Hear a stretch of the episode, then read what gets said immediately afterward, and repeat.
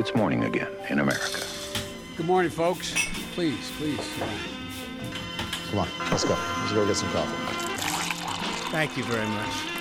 God morgen. Det er fredag 20. oktober, og morgenkaffen fra amerikanskpolitikk.no er servert.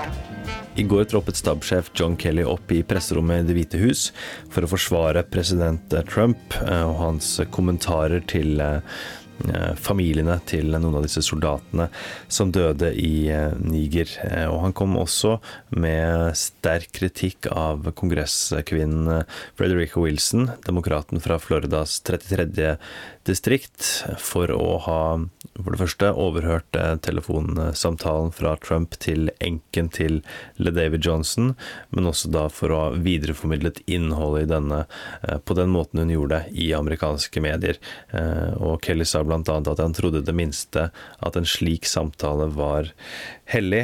Han sa også at eh, Trumps eh, kommentarer om at uh, LaDavid Johnson, en av de fire som ble drept, visste hva han gikk til, at det var noe Kelly også hadde fortalt Trump på forhånd, at det var noe av det han satte pris på å få høre da hans egen sønn ble drept i Afghanistan. Så kort fortalt så, så sa Kelly at Trump her prøvde så godt han kunne i denne samtalen.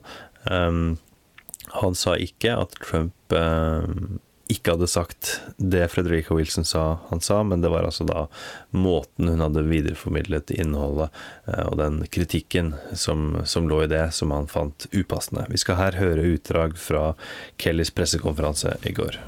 Member Congress who listened in on a phone call from the President of the United States to a young wife and in his way tried to express that opinion. He's a brave man, a fallen hero. He knew what he was getting himself into because he enlisted. There's no reason to enlist. He enlisted.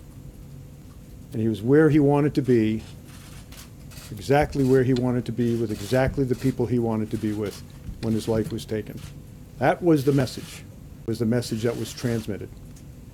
It stuns me that a member of Congress would have listened in on that conversation. Absolutely stuns me. And I thought at least that was sacred. Senatet vedtok i går et uh, budsjett. Uh, og Det var kun én republikansk eh, stemme mot, det var da Rand Paul. Og dette er et stort steg mot de skattekuttene de har snakket om så lenge.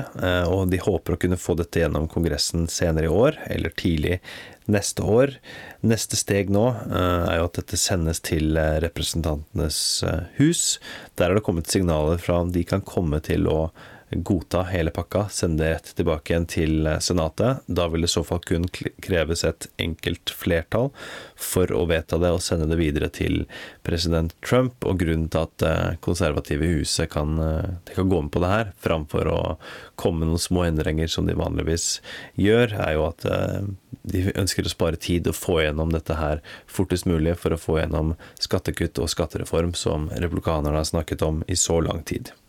Dagens utgave av Morgenkaffen er servert av Lene Marita Berg Herman og undertegnede Are Togflaten. Du finner Morgenkaffen i Spotify, iTunes og andre apper sammen med Ampolkast.